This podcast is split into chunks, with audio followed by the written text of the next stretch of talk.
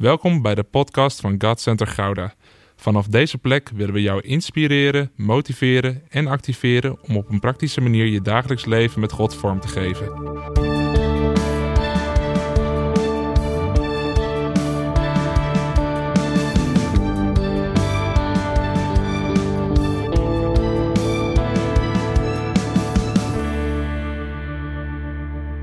Hey, wat tof dat je luistert naar deze nieuwe serie podcasts. De komende zeven delen gaan we kijken naar het boek dat ik heb geschreven, Dit is Jezus. En in dat boek neem ik je mee op reis langs de zeven Ik Ben uitspraken en de zeven wonderen die Jezus doet in het Johannes-evangelie. En weet je wat zo mooi is? We leren Jezus op een veel diepere manier kennen als we zijn wonderen en zijn woorden met elkaar gaan verbinden.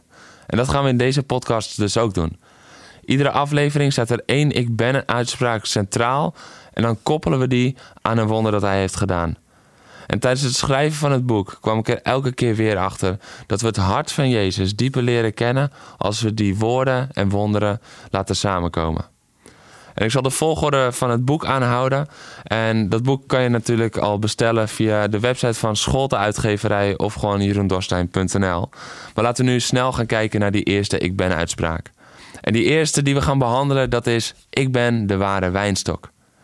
Jezus doet deze uitspraak en vertelt ons dat als we in Hem blijven, verbonden blijven met Hem, we veel vrucht zullen dragen.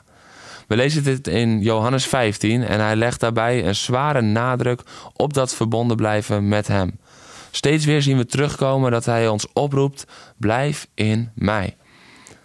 En willen we vrucht dragen in ons leven, dan komt dat door die verbondenheid met Hem. Die kracht hoeven we niet in onszelf te zoeken, niet uit onszelf te putten.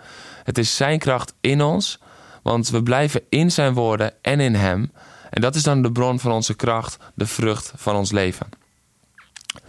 En deze uitspraak staat niet op zich. Want aan het begin van het Johannes-evangelie zien we dat Jezus op een bruiloft is. En het dreigt een grote schande voor het bruidspaar, want de wijn is op. En dat is zeker in die tijd iets waar je je leven lang aan herinnerd zal worden. Een grote schande die onuitwisbaar is. En de moeder van Jezus zegt dan tegen de bedienden dat, hij, dat zij precies moeten doen wat hij zal zeggen. En Jezus laat ze de wasvaten vullen met water. Want wanneer Jezus begint met ingrijpen, moeten de wenkbrauwen van de bedienden wel omhoog zijn getrokken. Hij stuurt ze naar die reinigingsvaten. Ze moeten tot de rand toe gevuld worden. En dat is een bizarre opdracht.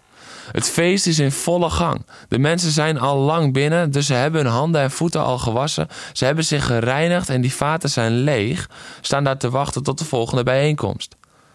Maar ja, de moeder van Jezus had hen opgedragen te doen wat hij zou zeggen. Dus besluiten die bedienden te doen wat hij zegt. En dan moet je nagaan dat zo'n vat is ongeveer 120 liter water. Dus zes vaten die daar stonden, dat is ongeveer 720 liter water moesten ze bijvullen. Dat zijn ongeveer 2400 glazen wijn straks. Toch moeten de bedienden met elkaar hebben gesproken terwijl ze bezig waren. Zich afvragend waar ze mee bezig zijn. Het probleem was, de wijn is op en de opdracht is vul de reinigingsvaten. Waar zijn we mee bezig? En misschien herken je die vraag wel in je eigen leven. Dat je loopt tegen een bepaalde nood aan in je leven. En Jezus, die begint ogenschijnlijk over heel iets anders. Je nood is dat je je baan bent verloren en Jezus begint over het vormen van je karakter. De nood in je leven is dat je vast blijft zitten aan de pornografie en Jezus komt niet met een oordeel erover, maar begint de gaten van je hart liefdevol te verbinden. Hij begint je ogen te openen voor de afwijzing of de eenzaamheid die je voelt. Wij zien de nood en we denken de oplossing te zien, maar Jezus ziet de nood en weet de echte oplossing.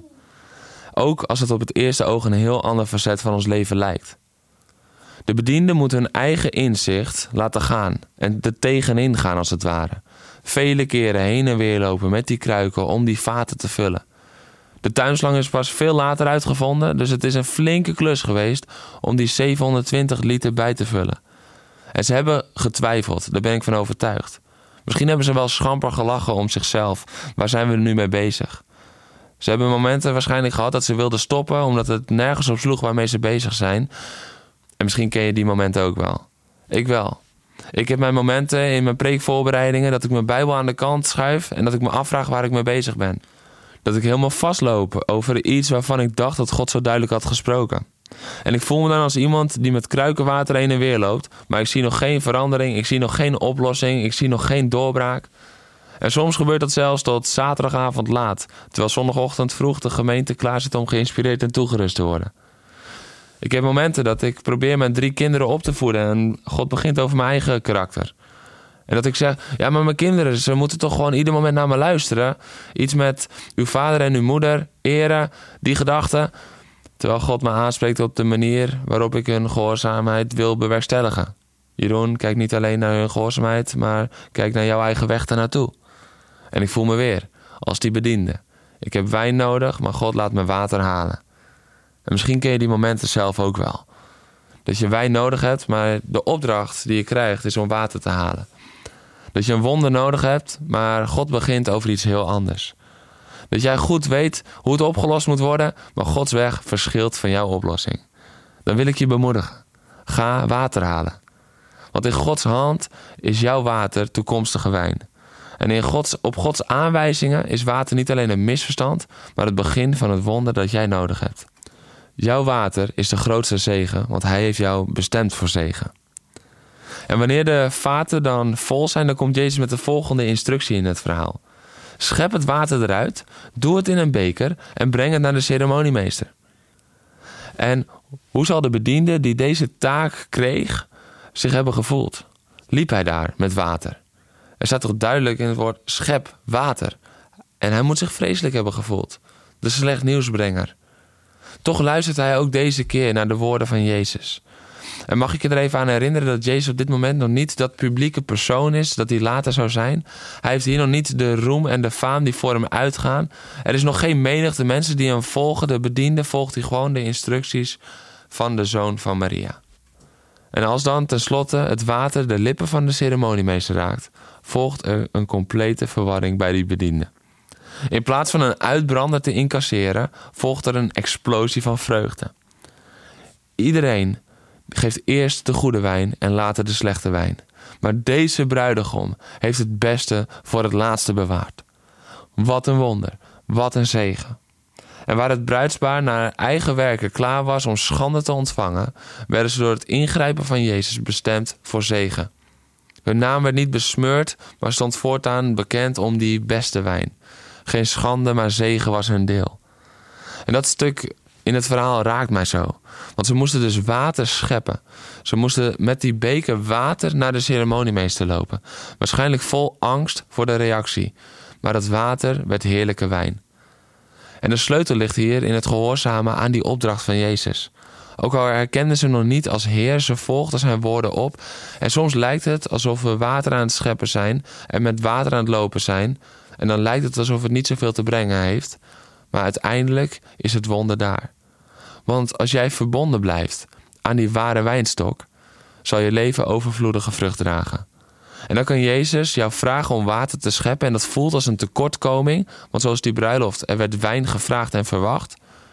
Maar de vrucht van jouw leven is niet afhankelijk van jouw werken, het is afhankelijk van jouw verbondenheid met die ware wijnstok. En als Jezus jou dan vraagt, ben je bereid om water te scheppen? Doe je het dan? Want waar jouw tekortkomingen in zijn handen komen, zal je zien dat het overvloedige vrucht gaat dragen. Dat is wat er gebeurt als ons water, onze tekortkomingen, als we die toevertrouwen aan Jezus, de wijnstok, verbonden blijven met Hem, blijven vertrouwen op Hem. Ook al voelt het alsof je met water komt aanlopen, alsof je tekort schiet, Hij doet het in jou en Hij doet het voor jou. En hoe mooi is het om zo die eerste ik ben te behandelen. Natuurlijk ga ik in mijn boek nog veel dieper erop in, maar zo krijg je alvast een voorproefje van de diepe openbaringen die ik in het boek wil delen met je. En de volgende keer gaan we verder met de volgende, namelijk Ik ben de goede herder. En mocht je niet kunnen wachten, wil je meer verdieping in dit hoofdstuk, dan kan je natuurlijk snel het boek bestellen op jeroendorstein.nl en dan sturen we het snel naar je op. Hopelijk tot de volgende keer.